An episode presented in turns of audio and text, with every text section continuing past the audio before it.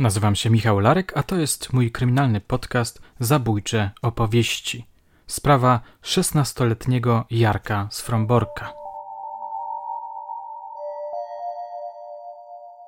Do historii polskiej kryminalistyki przejdzie jako nastolatek, który chciał zobaczyć, jak umiera człowiek. Jako nieletni, który ze względu na brutalność swojej zbrodni został osądzony przez sąd dla dorosłych. Moje drogie, Moi drodzy, dzisiaj opowiem Wam mroczną historię, która wydarzyła się 10 sierpnia 2003 roku we Fromborku. W sieci pozostało po tej sprawie niewiele śladów, zapewne dlatego, że proces był niejawny. Jak napisał tygodnik wprost, prokurator i obrońca oskarżonego zgodnie wnioskowali, że należy to uczynić ze względu na dobro 16-letniego Jarka.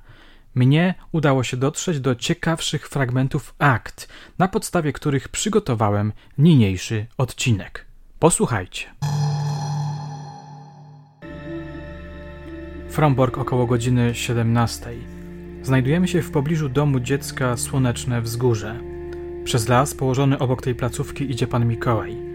Nagle spostrzega, że tuż przy leśnej drodze leży coś, co przypomina mu manekina – Podchodzi zaintrygowany i stwierdza, że to jednak nie manekin, ale martwe dziecko z zakrwawioną buzią. Można wyobrazić sobie przerażenie mężczyzny, gdy jego wzrok zatrzymał się na nożu wystającym z klatki piersiowej nieboszczyka.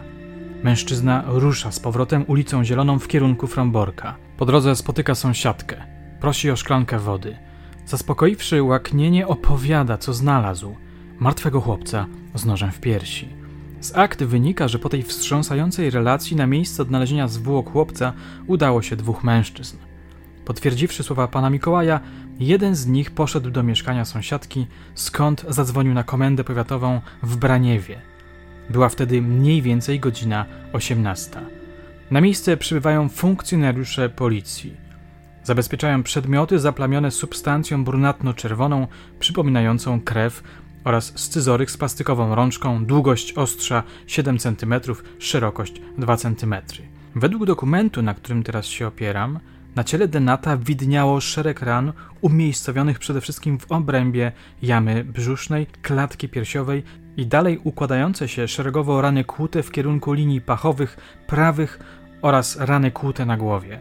Pod prawym łukiem żebrowym znajdowała się głęboka rana, skąd wydobywała się krwista ciecz. Około godziny 19 funkcjonariusze udają się do pobliskiego domu dziecka z informacją o odnalezieniu zwłok martwego chłopca. Jedna z pracownic rozpoznaje ofiarę. To ośmioletni Bartosz G., ich wychowanek. Później sekcja wykaże aż 24 rany kłutocięte. Teraz cofniemy się w czasie o parę godzin. Jest wczesne popołudnie. W słonecznym wzgórzu zaczęła się właśnie pora obiadowa.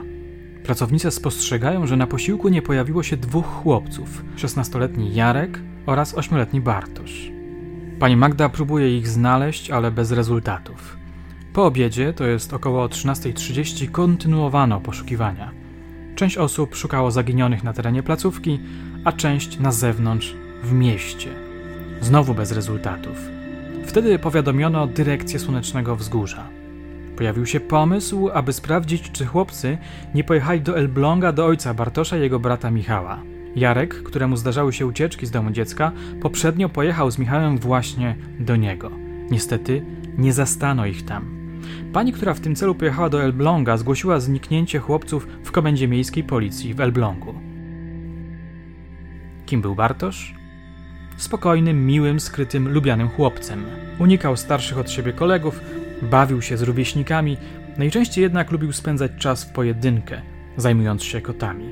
Nigdy bez zgody nie opuszczał terenu słonecznych wzgórz. Nie stwarzał problemów wychowawczych.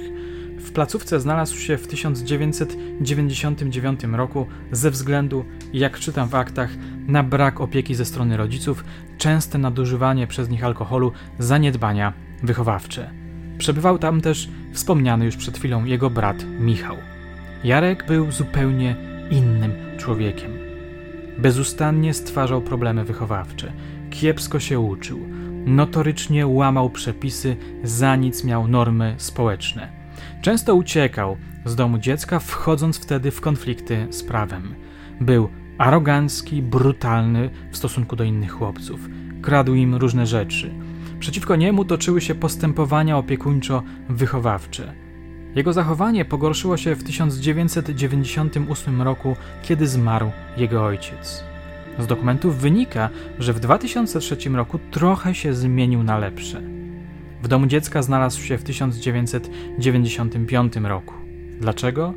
Również z uwagi, jak czytamy w aktach, na liczne zaniedbania ze strony jego rodziców w wykonywaniu władzy rodzicielskiej. Policja ustaliła, że Jarek, będąc na ucieczkach, często odwiedzał swoją siostrę, zamieszkałą w Kadynach. Nadano więc telegram do komendy miejskiej policji we Fromborku, w którym znalazłem taki oto fragment. W związku z powyższym, w ramach pomocy prawnej, proszę o sprawdzenie, czy u Aleksandra i u Aleksandry przebywa Jarosław Esz. Jeżeli tak, to poproszę go zatrzymać i powiadomić dyżurnego komendy powiatowej policji Braniewo Proszę sprawę potraktować jako bardzo pilną. Jest osobą, która ostatnio widziała Denata. Nie wyklucza się Jarosława Esz udziału w zabójstwie. W tych okolicznościach trzeba było bezwzględnie odnaleźć szesnastolatka. Mógł być świadkiem zabójstwa albo nawet samym zabójcą. Z akt wynika, że wysłano patrol policji również do wujka Jarka, który mieszkał w Elblągu. Jarek bywał u niego, między innymi spędził tam wakacje tego lata. I rzeczywiście chłopak odwiedził wieczorem wujka, ale już po wizycie policji. Teraz cofniemy się do 9 sierpnia 2003 roku. Do dnia, w którym Jarek wrócił niespodziewanie z wakacyjnego wypoczynku, którego zażywał w Elblągu u swojego wujka. Dlaczego wrócił przedwcześnie? Nie wiadomo, ale ten fakt sprawił, że noc z 9 na 10 sierpnia spędził w pokoju z paroma kolegami. Był wśród nich Maciej, od którego Jarek chciał pożyczyć nóż. Maciej mu odmówił, podobno dlatego, że Jarek nie chciał wyjaśnić, do czego potrzebuje noża. Zdaje się, że Jarkowi bardzo zależało na tym nożu. Być może podpytywał o niego inne osoby. W aktach znalazłem informację, że w końcu wręczyła mu go jedna z pracownic, ale chłopak stwierdził, że jest za duży. Za duży do czego? W jednej z wersji Jarek będzie przekonywał, że chciał nim naprawić organki. Sąd nie da temu wiary. Nikt nic nie wiedział, jakoby Jarek miał jakieś organki. Tego wieczoru Jarek poszedł spać wcześniej niż inni. Nazajutrz rano chodził nerwowo po domu. Później się okaże, że udało mu się ukraść nóż koledze. O dziewiątej było śniadanie, potem chłopcy udali się do bawialni. Główną atrakcją był komputer. O 11.30 zaczęła się transmisja meczu piłki nożnej zespołów Ligi Włoskiej. Po tej godzinie Bartosz opuścił bawialnię i poszedł do pomieszczenia gospodarczego, żeby pobawić się z kotami. Około dwunastej Jarek podszedł do Bartosza i zaproponował mu spacer do ogrodu, na jabłka. Bartosz zgodził się. Był ufny wobec starszych. Nie zdziwiła go ta nieoczekiwana propozycja. Jarek później przedstawi kilka wersji wydarzeń. W jednej z nich oświadczy, że od jakiegoś tygodnia chodziła mu po głowie myśl, żeby zabić człowieka. Poszli do ogrodu, Zjedli kilka jabłek. Potem ośmiolatek miał poprosić o pójście do lasu. Chciał pokazać starszemu koledze szałas. Ruszyli w drogę. Ale szałasu tam nie było. Będzie wyjaśniać potem Jarek. Zdenerwował się więc. Wyciągnął nóż, który ukradł koledze. Przewrócił chłopca, nachylił się nad nim i zaczął zadawać mu ciosy. W głowę, klatkę piersiową, brzuch. Jak już wcześniej wspominałem, lekarz doliczył się 24 ran kłutych. Ten brutalny atak zaczął się około 12.10. Bartosz początkowo próbował się zasłaniać rękoma przed ciosami, ale później wydawał już tylko jęki. Gdy chłopiec znieruchomiał i zamilkł, Jarek przerwał atak. Wziął rozmach i wbił nóż w środek klatki piersiowej umierającego Bartosza. Śmierć miała nastąpić jakieś 15-20 minut po ataku. Po wszystkim Jarek wrócił do placówki, umył ręce, wytarł je ręcznikiem kolegi i poprosił wychowawczynię swojej grupy o pozwolenie na wyjście na spacer po Fromborku. Nieświadoma niczego kobieta zezwoliła mu na to. Znalazłszy się w centrum, Jarek zatrzymał autostop i pojechał do siostry, do Kadyń. Tam wyznał jej i jej chłopakowi, że nieumyślnie spowodował śmierć młodszego kolegi. Wypił herbatę, wypalił papierosa. Po godzinie opuścił mieszkanie siostry i wrócił do Elbląga. Tam krążył po mieście. Był między innymi w okolicach hipermarketu Hipernowa. Około 22 poszedł do wujka, ale tam wcześniej była policja i wypytywała o niego. Wujek wyprosił go. Nie chciał, żeby w jego mieszkaniu zatrzymano Jarka. Chłopiec wyszedł więc i znowu zaczął kręcić się po okolicy. Co sobie myślał? W jakim był nastroju? Jakie myśli kołatały mu się po głowie? Co czuł? Czy żałował swoich czynów? Niestety dokumenty, do których mam wgląd, nic na ten temat nie mówią. Około 22.20 podchodzi do niego patrol, który dostał polecenie spenetrowania okolicy. Jarek nie stawia oporu. Na pytanie, czy wie, dlaczego został zatrzymany, odpowiedział, że pewnie z powodu zabicia Bartosza. Zapytany, dlaczego zabił Bartosza, odpowiada, że chciał zobaczyć, jak umiera człowiek. Dlaczego Jarek zabił? Chciałbym kiedyś przeczytać solidne opracowanie na ten temat. Biegli orzekli, że w trakcie zabójstwa nastolatek był poczytalny. Rozumiał znaczenie swojego czynu, potrafił nim pokierować. Ale czy naprawdę chciał zobaczyć, jak umiera człowiek? Czy naprawdę od tygodnia myślał o tym, żeby kogoś zabić? Później będzie się z tego wyznania wycofywał, ale sąd stwierdzi, że to była jego główna motywacja, że rzeczywiście od tygodnia chciał kogoś zabić, że chciał zobaczyć, jak umiera człowiek. Bartosz miał być wytypowany ze względu na to, że był mały, kruchy, ufny, naiwny, kompletnie bezbronny. Ciekawy trop stanowi fragment wyjaśnień Jarka, gdzie możemy znaleźć taką oto migawkę z jego przeszłości. Oskarżony Jarosław Esz podczas pierwszego przesłuchania w postępowaniu przygotowawczym werbalnie przyznał się do zarzucanego mu czynu dokonania zabójstwa Bartosza G. Wyjaśnił, że w wieku 8 lat trafił do domu dziecka. Kiedy jeszcze był w domu, jego starszy brat zmusił go do zabicia kota, natomiast w późniejszym okresie był świadkiem zakopania żywcem psa przez jego brata. Kazał on mu także wbić w swoje ramię nóż, grożąc, że jeśli tego nie zrobi, to nóż zostanie wbity w jego ramię. Czy to były ważne wydarzenia w jego życiu? Być może. Biegły z zakresu kompleksowych badań psychologiczno-psychiatryczno-pedagogicznych stwierdził, że rozwój intelektualny Jarka kształtuje się poniżej przeciętnej, rozwój emocjonalno-społeczny rozwija się z poważnymi zaburzeniami. Uczuciowość wyższa jest niedokształcona, poczucie winy jest tylko deklaratywne, procesy pobudzenia dominują nad procesami hamowania, stąd jest on często agresywny fizycznie i werbalnie. Formalnie miał odróżniać dobro od zła, ale zasady społeczno-moralne nie były wyznacznikiem jego zachowania. W ekspertyzie padał akcent na to, że nastolatek wychowywał się w środowisku patologicznym o charakterze kryminogennym. Wspomniano w niej również o tym, że Jarek ujawniał wysoki stopień demoralizacji, a kary i upomnienia nie dawały rezultatów. Przedstawiciele wymiaru sprawiedliwości orzekli, że Jarek ze względu na niezwykle poważny charakter zbrodni powinien odpowiadać przed sądem dla dorosłych. Tak też się stało. Przejmujące dla mnie w trakcie lektury akt było to, że sąd podkreślał, iż czyn Jarka należy zdefiniować jako zabójstwo ze szczególnym okrucieństwem. Ze względu na zaciekłość i brutalność sprawcy, sąd wykorzystał artykuł 148, paragraf 2, punkt 1 kodeksu karnego.